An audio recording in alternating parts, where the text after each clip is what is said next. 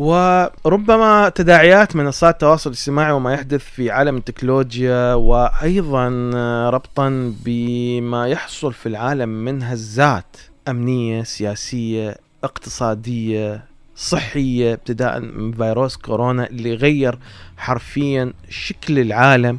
ولم نكد أن نفق من صدمة كورونا حتى بدأت الحرب الروسية على أوكرانيا اللي صنفها بعض الباحثين والمنظرين إلى أنها الحرب العالمية الأولى أو الحرب التي يصح هي تسميتها حربا عالمية.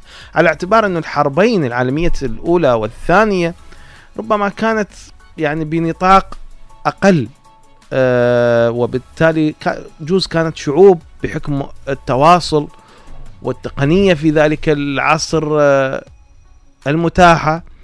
كانت أكو شعوب بالكرة الأرضية حتى لم تسمع بوجود حرب. آه وكانت بعيدة جدا وبمنأى عن هذه الحرب.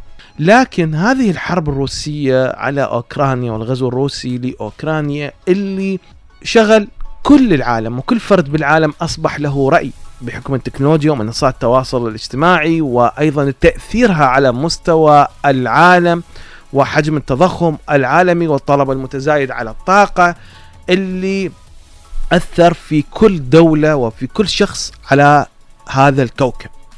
بالتالي هي حرب عالمية حرفيا بالفعل.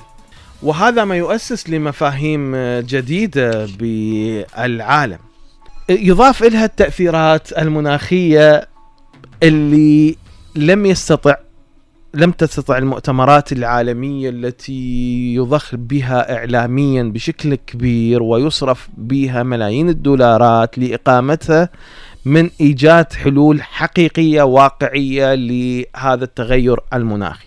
فالأمين العام للأمم المتحدة أنطونيو غوتيريش يعرب عن أسفه في مؤتمر المناخ كوب 27 في شرم الشيخ. وعن فشل هذا المؤتمر في وضع خطة لخفض الانبعاثات بالغازات الدفيئة بشكل جذري. غوتيريش والاتحاد الأوروبي يعربان عن خيبة الأمل من نتائج مؤتمر المناخ. الاتحاد الأوروبي عدم التوصل إلى نتيجة في مؤتمر المناخ أفضل من الاتفاق أو من اتفاقات سابقة أو ربما يعني بظروف سيئة. لا زالت. غوتيرش يقول أنه نحتاج إلى خفض جذري للانبعاثات ولأن هذه المسألة لم يعالجها مؤتمر المناخ وقال أيضا أن كوكب الأرض لا زال في غرفة الإنعاش في إشارة إلى أنه قرب حلول الكارثة التي لم نستطع مواجهتها وربما فات الأوان أو قد يفوت الأوان في أي لحظة على مواجهة هذه الكارثة والحلول لم تجدي نفعا أمامها. إذا كل هذه الكوارث اللي تحيط بينا تؤسس لمفاهيم جديدة في العالم وبالتالي هذه قد تغير الخارطة الكرة الأرضية.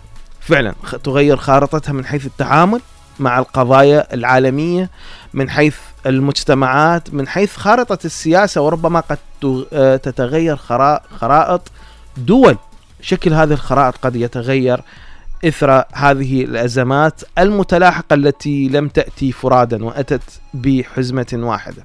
أحداث 11 سبتمبر بال 2000 آه غيرت كثير من النظام العالمي أمن المطارات إلى طريقة التعامل مع السفر، قواعد التعامل مع الإرهاب والإرهابيين وشبكات الإرهاب العالمي و وكيف يتم التعامل معها وأيضا تصدير قوائم الإرهاب أو الأشخاص المدرجة على قوائم الإرهاب وأسست إلى ثقافة عالمية جديدة في هذا الصدد. الآن هذه المتغيرات والأزمات اللي نعيشها الآن لم لا تواجه قضية أمنية أو سياسية فقط. على مستويات مختلفة تأتي سياسية، أمنية، صحية، اقتصادية، اجتماعية، فبالتالي بعد سنتين أو ثلاثة في ظل هذا الضغط الهائل اللي يعيشه سكان الأرض قاطبة كيف سيؤثر وكيف سينتج أو ماذا سينتج هذا الضغط من شعوب ومن ثقافات جديدة وطرق تعامل جديدة ومفاهيم جديدة في هذا العالم. كما يرى ياسر القاسم في هذا التقرير.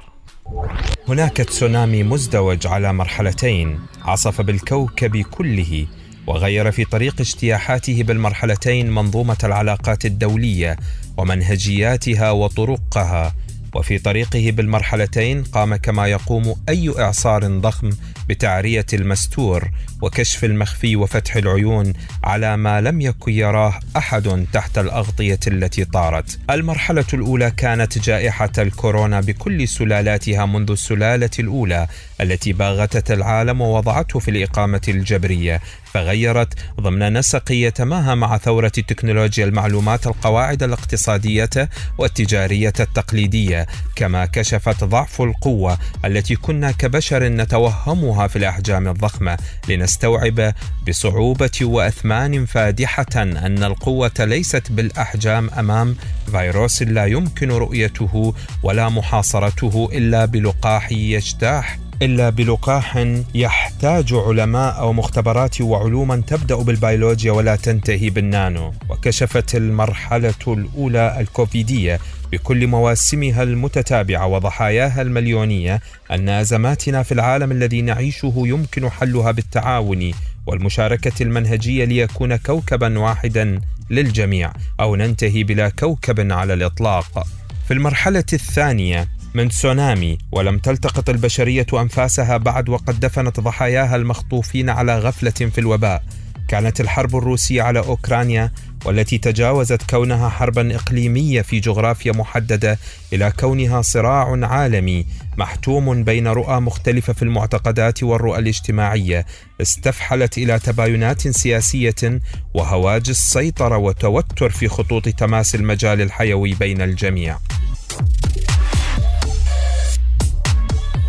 تلك المرحلة الثانية تحديدا كشفت هشاشة الاقتصاد العالمي وعلاقاته التجارية البينية وظهرت على السطح مصطلحات جديدة لم نعهدها لكنها العمود الفقري لكل تفاصيل حياتنا مثل سلاسل التزويد ونكتشف أن الأمن الغذائي حالة حيوية لنعيش نواجه فيها إرهابا من نوع جديد هو إرهاب الجوع. والحاجة في عالم اعتاد الترف الاستهلاكي في حدوده القصوى. هذه الزحزحة القارية في العلاقات الدولية ومنظومتها بكل تفاصيلها. كان من تداعياتها الضرورية لتكتمل تلك الفيضانات والبراكين بالمعنى المجازي. ومنذ ذلك التسونامي العالمي ظهرت في محيطات وبحار العلاقات الدولية جزر خضراء جديدة تعكس عوالما جديدة. تلك الجزر تركزت في وسط العالم. مركزه القديم تاريخيا والذي عهدنا تسميته الشرق الأوسط ومنه ويا للمفارقه تظهر الحلول التفاؤلية لعالم لا يزال يعيش ارتباكاته اللحظية. ننتهي بقمة شرم الشيخ للمناخ التي تحتضنها مصر ومبادرات إقليمية محلية تتوسع تتمدد أيضا مثل السعودية الخضراء والشرق الأوسط الأخضر مرورا باجتماع جي 20 الذي يتشفع فيه العالم كله عند القيادات العربية لإعادة استقرار سوق الطاقة العالمي والمأزوم ومداخلات أوبك بلس التي تصدت للهيمنة التقليدية.